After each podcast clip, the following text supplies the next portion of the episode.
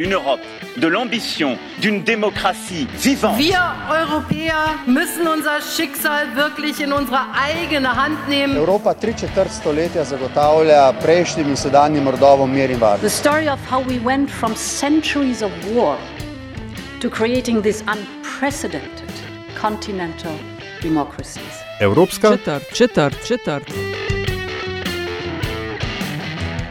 On ne protégera pas les Européens si on ne décide pas d'avoir une vraie armée européenne.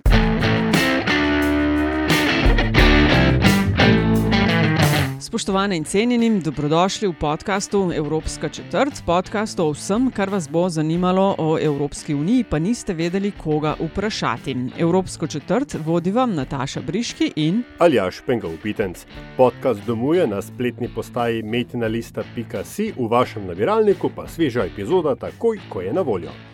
Aljaš pred časom sva klepetala s poznavalcema ameriškega eh, terena, zunanje in notranje politike. In sicer z Barbaro Šurk in Andrejem Mrvletom, in prav slednji nam je dal eno dobro istočnico za tokratno debato in sicer Evropska vojska. Veliko se o tem govori. Um, in kar boste v tej epizodi izvedeli, je, kakšne so pravzaprav ideje, pa načrti in kapacitete, kdo je za uh, in kdo proti, kdo nas vidi ali pa kdo recimo vidi prihodnost z NATO. Kako realne so te želje in jasno tudi, kje v tej zgodbi je Slovenija.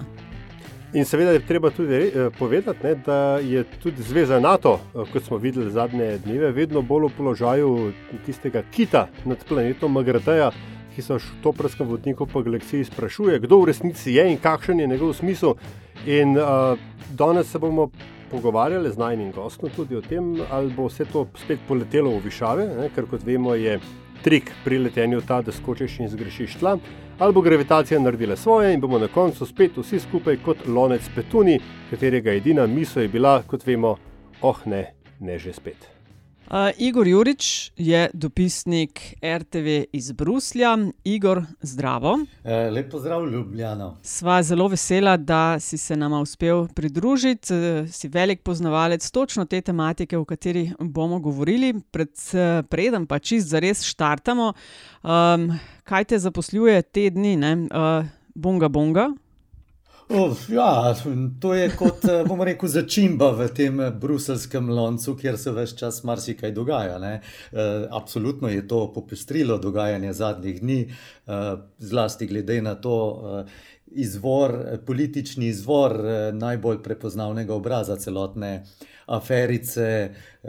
Ki se je dogajala, ja, pravzaprav pred enim tednom, no, na petek zvečer, eh, so potem sosedje klicali, eh, da je preveliko hrupa v nekem stanovanju, kjer potem policija odkrila, mislim, da nekaj več kot eh, pretežno moških. Ne. Ja. Um, evo, toliko za štart, Igor, zdaj pa čisto za res. Ne? Evropska vojska je se pravi rdeča nit našega pogovora, uh, da sploh zvemo, kje smo in kam gremo s tem. Zdaj pa ti povej, ne, eh, kakšni so pravzaprav načrti, ko rečemo Evropska vojska, o čem govorimo. Ja, no, vsekakor bi lahko dlje časa razpravljala o tistem, kar smo prej začeli, ne, o teh eh, bruselskih zabavah, Ne kot pa o projektu eh, Evropske vojske. Ne, bi- lahko morda že kar rekel, to je pa to, kar zadeva Evropsko vojsko. Ampak no, šalo na stran.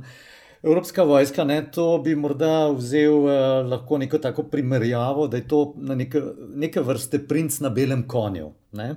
Vsi o tem sanjajo, si ga želijo, ampak eh, neke realne osnove pa za to ni, da se bo ta princ na belem konju pojavil. Ne. In to je približno tako tudi z Evropsko vojsko. Ne. Te ideje so že stare, eh, se vedno znova pojavljajo, včasih malo bolj močno, drugič malo manj.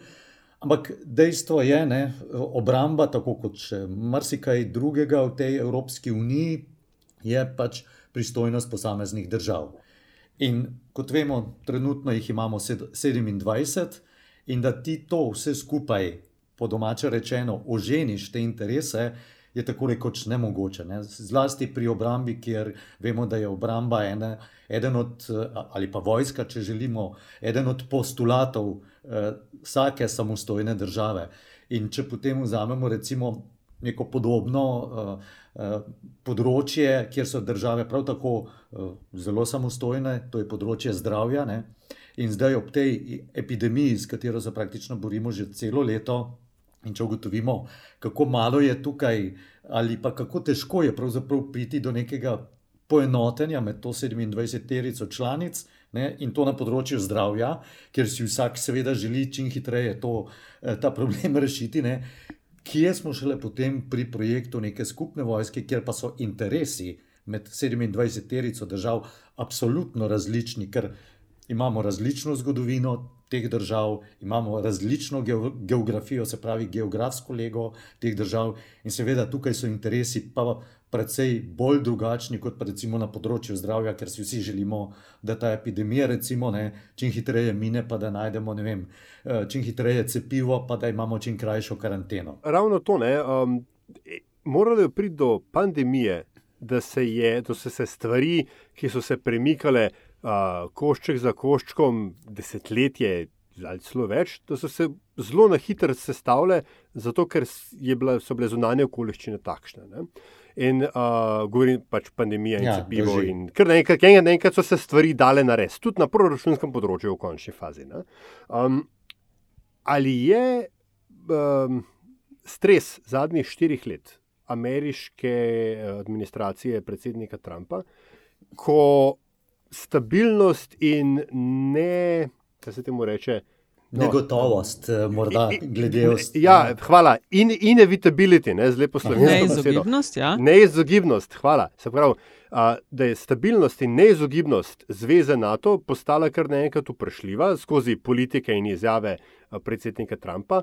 Ali je to mogoče zametek enega tega zunanjega uh, inputa, ki bi mogoče vendarle pohitril vse te um, postopke ali pa travme v zvezi z neke vrste Evropsko vojsko. Ja, ne dovolj na ta, kako bi rekel, da bom vljuden, robavsast način Trumpa, predsednika Trumpa v odnosu do zaveznic, ne, je gotovo dal en tak, eno tako brco v rit evropskim članicam, tudi glede razmišljanja o večji Eh, strateški avtonomiji. To se zdaj, zlasti v teh zadnjih tednih, eh, eh, zelo pogosto pojavlja v besedišču evropskih politikov. Ne.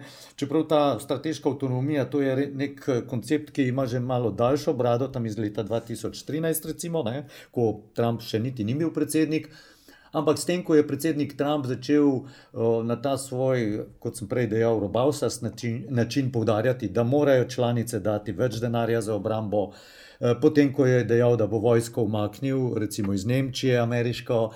Vse to je dalo, seveda, nek, nek zagon, da so začeli evropejci spet bolj razmišljati o tem, kako bi bila Evropa tudi na področju, pa ne samo na področju obrambe vojske, bolj samostojna, ampak tudi na drugih področjih. Ne. Tako da, definitivno je nastop predsednika Trumpa to spodbudil, to vrsta razmišljanja. Prav tako pa ne smemo pozabiti na to, da je k temu precej vplivalo tudi razmišljanje uh, Brexit. Ne? Kaj ti? Vedeti moramo, da v Evropi sta samo dve državi, ki imata jedrsko orožje. To sta Francija in pa Združeno kraljestvo. Zdaj Združeno kraljestvo odhaja ali pa je že odšlo iz Evropske unije, ostaja samo še Francija.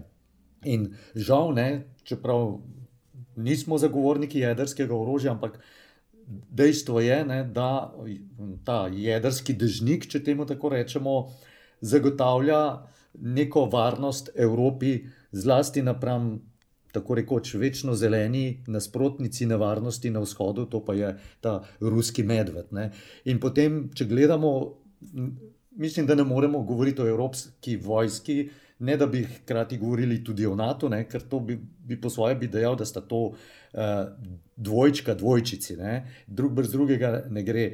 In ravno NATO je po teh zadnjih letih, zlasti po letu 2014, ko je Rusija uh, si nezakonito priključila del ukrajinskega ozemlja, se pravi polotok Krim, je NATO zelo, zelo okrepil prisotnost svojih čet ob vzhodni meji. Čeprav v skladu z temi pogodbami po koncu. Hladne vojne tega ni naredil tako, da bi bili, bile te eh, Ja, ti vojaki stalno prisotni eh, v nekih bazah, eh, so iznajdli nek precej pameten način, ne, da se temu reče stalno rotiranje. ti v bistvu nimaš stalno nameščenih vojakov, čeprav v bistvu jih imaš vse čas, ker vse čas rotiraš določeno število. Ne. Tako da Evropska vojska in NATO, mislim, da je to drug z drugim močno povezano. Seveda, na stop predsednika uh, Trumpa pa je to temu dal kar precejšno spodbudo, ampak kot sem že na začetku rekel, to je princ na belem konju, o katerem si sanjajo, ampak ni videti na obzorju niti konja, kaj šele princa. No, ko ste že šla na tudi malo ameriški teren, ne, se pravi, če te prav razumem, NATO, no, tako tudi danes je, ne, je mišljen kot obramba tudi Evrope. Ne. Kaj se pa zdaj, ko se menja ameriška administracija, kaj se vtegne spremeniti z uh, Bidenom na čelu? Ne? Slovenija tudi je članica NATO, ne dosegamo sicer tistih dveh odstotkov. Ne? Ene spremembe tukaj so se dogajale s Trumpom, ki je, kot si že omenil, ne, malo streje pritiskal tudi na te stvari. Ampak kaj se po tvojem vtegne spremeniti z Bidenom? Da bo ta ideja o evropski vojski še bolj mogoče nekam v zadje šla ali ne? Uh. No, na kratko bi verjetno lahko eh, rekel, da eh, stil se bo gotovo spremenil, ne? vsebina pa ne. Kaj ti ne smemo pozabiti, ne, da je recimo že tudi Obamova administracija od članic zahtevala, uh, da se pravilno izrazim. Ne, ni ameriška administracija zahtevala. Članice so se leta, uh, mislim, da je 2014 na vrhu v Walesu same odločile, da bodo povečale. Uh, Eh, količino denarja za obrambo, zaradi pač te ruske grožnje in zgodbe okrog Krima. Tako da to je bila v bistvu obveza, prostovoljna zaveza vseh držav članic, tudi Slovenije, da bodo do leta 2024 za obrambo namenile 2 odstotka. Seveda, ker je bila vmes eh, ali pa zadnji ustanki gospodarske krize, so se začele države na ta način, predvsej po domače rečeno, šlepati, in Slovenija je ena med, v narekovaji, bolj uspešnih članic pri šlepanju glede eh, količine denarja, ki se ga namenja za obrambo. Mislim, da bomo letos nekje tam pri 1,2 odstotka BDP-ja. Eh, res pa je, da eh, večina članic eh, tega tudi še ne izpolnjuje, približno tretjina je že dosega 2 odstotka, druge pa ne. Skratka, gotovo bo tudi pod Bidenom ta zahteva, želja ostala. 2 odstotka do 2024, Ne bo pa verjetno Biden, kot ga že zdaj vidimo ne, v teh nastopih, bo deloval veliko bolj uglajeno, diplomatsko, ne pa tako, kot je to počel predsednik Trump. Ampak v ozadju bodo zahteve podobne. A lahko samo na tej točki samo eno, eno tehnično dilemo razrešimo, ker se mi zdi, da se v javni debati to veliko krat uh, zamegljuje in končni vas je tudi Trump ne, s tem njegovim uh, reket pristopom, ja. ne, plačete ali pa, ne, je v bistvu to dodatno zamegljal.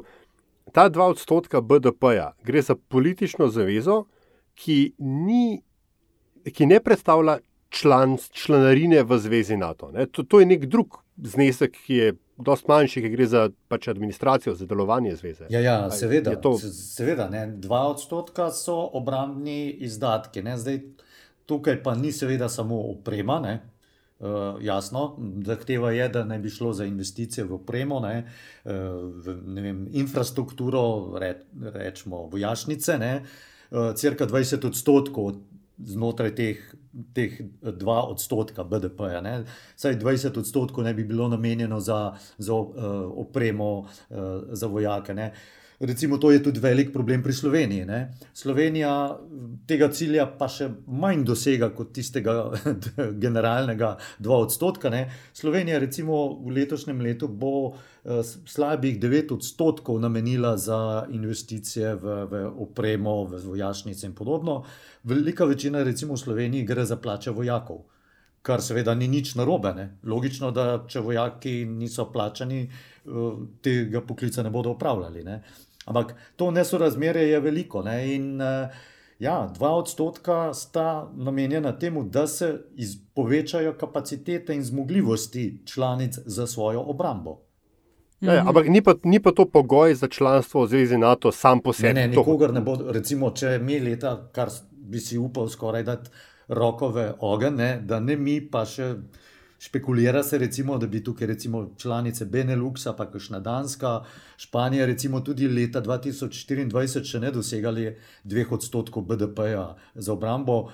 In gotovo ne bojo leta 2024 ali na začetku 2025 sklicali vrh eh, NATO in rekli, no, ti, ki ne izpolnjujejo dveh odstotkov, niso več člani.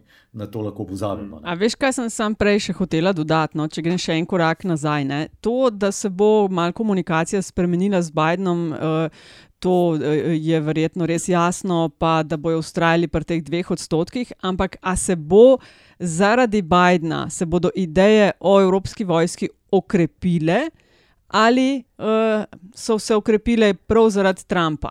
Pa bodo zdaj uh, tisti, ki najbolj navijajo za to, vse en rekli, da okay, NATO je naša prihodnost.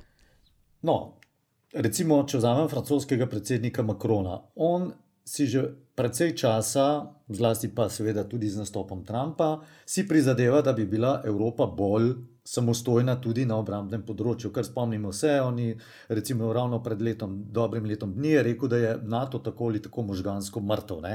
kar je zbudilo ogromno, dvignilo ogromno prahu in debat. Turški predsednik Erdogan ga je potem pošiljal na pregled, ne v bolnico, naj se gre sam pregledati možgane, recimo takrat. Ne, ta retorika med Macronom in Erdoganom je sploh zanimiva ne, za voditelja dveh zavezniških držav. Uh, ne, je to zelo zanimiva uh, besednjak. Uh, in gotovo, ne, če imaš nekoga takega kot je Trump, se potem ostali gotovo začnejo bolj spraševati, za vraga sej. Ne, če ti nekdo reče, da bo maknil vojsko, ne, kaj bo potem z nami, kaj bo z našo varnostjo. Gotovo se začneš bolj ukvarjati s tem, ja, se pravi, zdaj moramo pa sami narediti malo več za vse skupaj. Ne.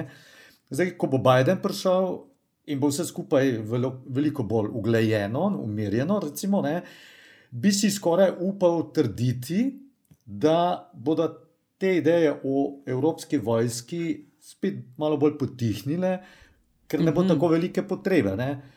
Ker dejstvo pa je, da vsi pa se v Evropi zavedajo, ne, da brez znata varnosti v Evropi ni. Tudi tisti, ki govorijo o evropski potrebi po evropski vojski, vedno podarjajo, da bi s tem samo okrepili evropski steber znotraj te hiše, ki ji rečemo NATO. Ne. Da ne bi to evropska vojska šla, uh, bila neke vrste uh, konkurent uh, NATO. Ker pravzaprav ne se, če logično razmišljamo, kaj pa je NATO. Ne? NATO je pač seštevek vojska posameznih članic, se pravi tudi evropskih. Ne? In ne moreš reči, če imamo evropsko vojsko, ne? potem pa bo to konkurenca NATO. Kako? Ne? Sej ne boš imel, ne vem, pol vojakov v, pri evropski vojski, pol vojakov pa. V narekovaju v NATO vojski. To, pač, to so isti ljudje, isti denar, ista oprema. Uh. Ali je tukaj možno, um, Ne? Zelo drugače. Nekoč je nekaj obstajalo, nekaj, čemu se je reklo Zahodna Evropska unija. Ja, ki je, ki je bila v bistvu. No, ampak propadla je zato, ker je Kobajagi postala redundantna, ne? ker je šlo za vojaško zavezništvo zahodnoevropskih držav, ki je bilo potem v bistvu integrirano v NATO. Ne? A je možno, da, je, da, da bi se iz tega, vendarle, te izkušnje tega nastavka, da bi se nekaj vendarle razvilo, ker, ker vendarle neki premiki tukaj so, ne? mi imamo tu, kaj že ta pesko. Pesko tako. ali kako tako. Pesko, ja. Kaj s tem? Ja, uh, zdaj. Uh, Zgodba Zahodne Evropske obrambne zveze ne, in njen konec, pravzaprav raztopitev, ne, je logična posledica, ker takrat uh, je hladna vojna se je končala ne, in Rusija v tistem prvih letih ali pa recimo desetletju ni bila več smatrana kot nek res uh, hud nasprotnik. Ne. To je potem v bistvu postala šele recimo, v zadnjih desetih letih, eh, ali morda malo več, ne. saj eh, vemo, kako ravna predsednik Putin. Eh, ta glavni, glavna spodbuda je pa pač ta zgodba okoli Krima, pa že prej tudi rusko posredovanje v Gruziji, ne, ta vojna med Rusijo in Gruzijo. In pesko je pa zdaj stvar, ki je nastala, ker moramo vedeti, ne, da znotraj Evropske unije seveda obstaja tako imenovana skupna varnostna in obrambna politika. Ne, in sicer od leta 2004 imamo tudi neke vrste Evropsko obrambno agencijo, ne, na čelu katere je visoki zunanje politični predstavnik vedno aktualno je to Jozef Borel. Ne? In to je sicer krasna stvar, Evropska obrambna agencija, pa skupna obrambna in varnostna politika, ampak če pogledamo najbolj uh, svež proračun evropski, ne, to se pravi ta, ki bo veljal 2021-2027, za prihodnih sedem let. Ne, tukaj imamo za skupno evropsko varnostno in obrambno politiko za sedem let predvidenih 7 milijard evrov za obrambo. Ne. Kdo bi rekel, wow, to je ogromno denarja. Ampak naj za primerjavo povem, ne, da bo samo Nizozemska, ki pa ne velja za neko vojaško velesilo, ne, letos, eh, pardon, ja, letos, v letošnjem letu namenila za vojsko 11 milijard. Samo letos 11 milijard, Evropska zveza, se pravi Evropska unija, pa naj bi v prihodnih sedmih letih 8 milijard. Ne? To je ena stvar. Pesko, že prej omenjeni, pa je velja od leta 2017. Tukaj je sicer do zdaj, mislim, da je nekih 47 skupnih projektov mišljeno. In tukaj gre predvsem za krepitev obrambnega sodelovanja med državami. Ne? Tukaj ne gre za, za vzpostavljanje vojaških enot, ampak kako bi države bolje sodelovali med sabo na vojaškem, logističnem področju, potem recimo raziskave na področju obrambe, sodelovanje vojaške industrije, ne? da recimo izvedeš kakšne skupne naročila ali razvijaš nek. Bom rekel, recimo letalo ali dron, kar je zdaj, recimo, taka stvar, ki je uh, vedno bolj moderna, uporabna. To so, to so ta sodelovanja, pa evropskih članic. Ne. V bistvu tukaj ni, ne gre za prek peska, ne gre za vzpostavljanje nekih uh, brigad, bataljonov skupnih. Ne. To gre za poglobljeno, tesnejše sodelovanje, usklajevanje na različnih obrambnih področjih evropskih članic. Ne. In potem je seveda pri vsej zgodbi to, ne, da recimo nimamo zraven Danske. Danska si je, kot je tudi prej že Združeno kraljestvo, si je recimo izgovorila, da tukaj pri teh zadevah ne sodeluje. Ne, in ni enotnosti tukaj, te evropske prave. Ne. Igor, sem te prav ujela, da bo Nizozemska 11 milijard v 2020 Tako. namenila vojski. Um, moje vprašanje naslednje bo, ker v Sloveniji vidimo, kakšne so reakcije ob tem uh, investicijah dodatnih v vojsko. Ne? Recimo Slovenija naj bi v 2021 100 milijonov, če bi šlo tisto čez. Ja, Predlog uh, dodatnih, tako. Ja dodatnih namenila, zdaj pa me to pripelje, seveda, do uh, sentimenta med ljudmi, ne? ko delajo ankete. Kakšna pa je pravzaprav uh, sploh ok podpora temu projektu, za katerega sam praviš, da je uh, bolj kot ne princ na belem konju? Kaj so ljudje, a so, ne vem, a se da videti, da so vem, na zahodu bolj za, na vzhodu bolj proti, ali tukaj ni neke, se ne da potegniti kakšnih sporednic. Ja, zdaj bom bolj špekuliral, ne, ker nekih uh, resnih raziskav na to temo mm, ne poznam. Ampak uh, dejstvo je, ko, ko uh, se posluša te razprave, uh, ne, vse bolj ali manj, vse te vzhodne evropske uh, članice Evropske unije, pa tudi Zveze NATO, seveda si ne predstavljajo, uh, da bi živele varno v Evropi brez ameriške prisotnosti, ne? brez, brez NATO, tako, tako rekoč. Ne? Kar je logično. Vsi poznamo, že prej na začetku našega pogovora sem rekel, da države imajo različno geografijo, različno zgodovino, in vse te države so bile pod do paca železne zavese, berlinskega zidu, so bile pod Sovjetsko zvezo, pod njenim dežnikom, z železno pestjo, karkoli temu rečemo. In seveda edini garant vidijo pač v učinkovitem uh, zoprstavljanju ruski grožnji, s tem, da imajo varstvo Amerike, njenega orožja. Neka Portugalska, Španija, verjetno uh, pa to vidijo drugače, kajti Rusija je daleč stran. Ne? In morda bi bile prej pripravljene za kakšno evropsko vojsko, recimo tudi Španija sodeluje recimo s Francijo, z Nemčijo, ki so nekako najbolj, bom rekel, zagovornice to vrstnih idej, neke bolj skupne evropske vojske, ne, da zraven sodelujejo. Tako da, verjetno, ne, pri, če bi šlo v neko bolj konkretno vzpostavljanje tega, bi, bi podobno sentiment bil tudi pri prebivalcih. Ne. Na Zahodu bi verjetno se bolj spraševali, zakaj rabimo to pa pošiljamo na vzhod, ne na vzhodu, pa mislim, da če bi šli delati raziskavo med prebivalstvom, ne vem, Poljske, Baljskih držav, mislim, da projekt, če bi nekdo postavil vprašanje, Evropska vojska ali NATO, si upam trditi, da bi velika, velika večina rekla NATO. Ja, šele, ker že je. Ne? Ker že se, je. Se pravi, če, če prav razumem, neko politično zavedanje po o, potrebi Evropske vojske obstaja, hkrati imamo pa na, v starih članicah vprašanje, čemu zdaj, v novih pa, zakaj pa niso američani dovolj dobri. Ja, predvsem ne, ta strah vzhoda je velik. Ne? Ja, ja, ja, seveda, ja. In tukaj mislim, da tega strahu se ne da kar tako premagati, tudi težko ob vseh potezah Rusije. Ne? Vse ne na zadnje, če gledamo srečanja Zveze NATO, o čem se govori, govori se o ruskem kršenju dogovorov, o raketah, o, o posodobitvah orožja na ruski strani. Ne? In pa še ena stvar je. Ne? ZDA, recimo, ne, so v, se pravi, v letošnjem letu, se pravi 2020, ne, mislim, da bodo namenile za obrambo v NATO, ne v skladu v, znotraj NATO, 700 milijard evro, eh, pardon, dolarjev, medtem ko pa vse evropske države skupaj s Kanado 313. Se pravi, ne, dve tretjini denarja za NATO prihaja iz ZDA, ostala tretjina vse evropske države plus Kanada.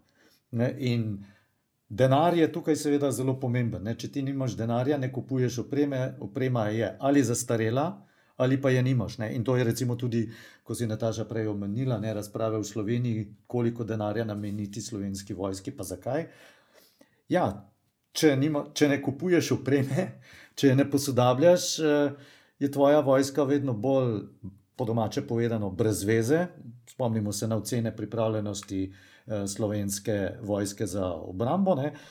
In, pa na to, kako zmrznjeni so bili tako, tam ne, na Norveškem. In, in če pod črto potegneš, ne, najdražja vojska je taka, ki jo imaš, pa je slabo opremljena in neusposobljena. To je potem bolje, da je Čak, nimaš. Koliko pa, kolik pa sploh je, um, veš, mogoče na izust proračun naše vojske? Okay, prej smo v tistih. Ja, letos, do... letos naj bi uh, namenili, uh, zdaj, koliko je za slovensko vojsko, vse v proračunu, uh, bi si zdaj le težko upal reči.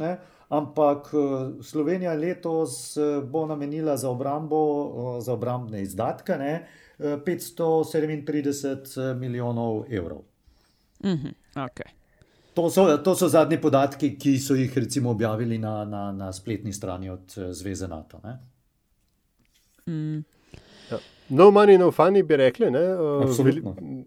Ja, ide, ideje so, ampak do njihove uresničitve je pa še, še zelo, zelo dolga. Ja, recimo, ne, ko praviš veliko eh, govorjenja idej, ne, zanimivo je zdaj, eh, ko so predstavili na tem zadnjem srečanju zunanih ministrov NATO poročilo tako imenovanih modrecev, ne, kakšen naj bi bil NATO v naslednjih desetih letih, s kakšnimi izzivi se srečuje, kaj so njegove pomankljivosti in vse podobno. Ne. In je bilo tudi eden od teh vodilnih, je bil bivši, nekda, bivši nemški obrambni minister.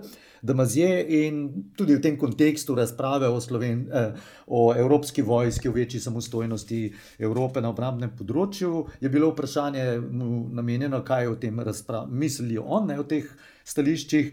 In je rekel: Poglejte, če bi evropejci samo pol toliko tega, kar govorijo, naredili, bi zdaj mi bliže par velikih korakov naprej pri vsem skupaj. Evo, naj pri tem ostane, to je dobra ključna misel. Uh, Igor Jurič, RTV Slovenija, hvala ti, da si si vzel čas in nam pojasnil te stvari, o katerih se ne, tudi v Sloveniji veliko govori, pa včasih ali pa pogosto premalo naredi. Točno tako. Ja. Najlepša hvala, Igor, ker si bil v tej epizodi Evropske četrti, eh, ti naš princ na belem konju. Si vse razložil in povedal, čem je finta. No, to bom pa povedal ženi, eh, ker misli, eh, da sem vse kaj drugega kot princ na belem konju. hvala vam za povabilo in lepo se imejte v Ljubljani in Sloveniji. To je bila Evropska četrt 61. v podkastu Vesolju. Hvala za vašo pozornost, predlogi in mnenja pa seveda kot vedno zelo dobrodošli. Hvala pa tudi za pohvale in kritike, ki jih delite z nama, ter res hvala za investicije, ki jih namenjate razvoju in produkciji naših vsebin. Avtor glasbene podlage je, poznate ga, peli iz podcasta. Opravičujemo se za vse neušečnosti. In če vam je bila vsebina všeč, bo pomagalo, da nas najde še kdo, če naj ocenite pri vašem izbranem ponudniku ponudniku ali ponudnici. Sicer pa res lepa hvala za vašo družbo in se spet slišimo k malu. thank you